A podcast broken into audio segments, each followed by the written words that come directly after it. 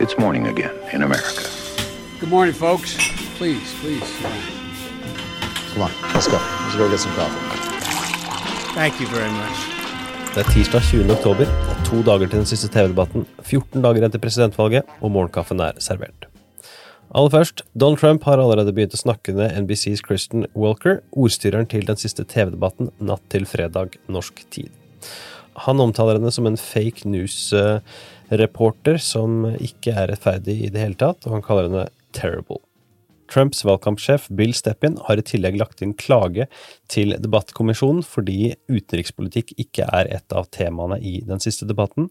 De mener at Biden-kampanjen og kommisjonen tidligere har gått med på at dette skal være et av temaene, og de peker da på tidligere debatter i amerikanske presidentvalg der utenrikspolitikk har stått sentralt.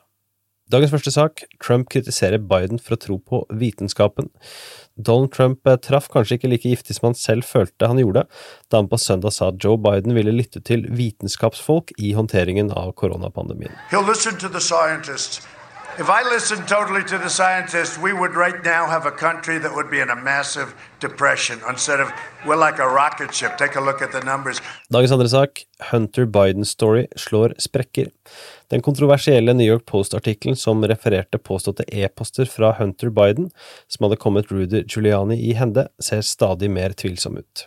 I helgen ble det kjent at flere journalister i New York Post nektet å sette byline på artikkelen fordi de var i tvil om troverdigheten til materialet, som ble oppgitt å komme fra to kilder, Stephen Bannon og Rudy Giuliani. Mandag ble det også klart at Giuliani forsøkte å selge inn saken til Fox News før han gikk til New York Post, men at Fox News takket nei fordi de ikke fikk anledning til å ettergå kildene nærmere. Mandag skrev også The Daily Beast at FBI etterforsker filene artiklene baserer seg på, under mistanke at det kan dreie seg om en desinformasjonskampanje fra en fremmed makt.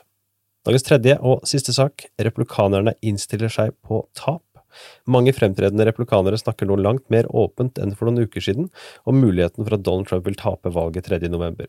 Senator Lindsey Graham, en nær alliert av presidenten, sa i forrige uke rett ut at demokratene har en god mulighet til å vinne Det hvite hus.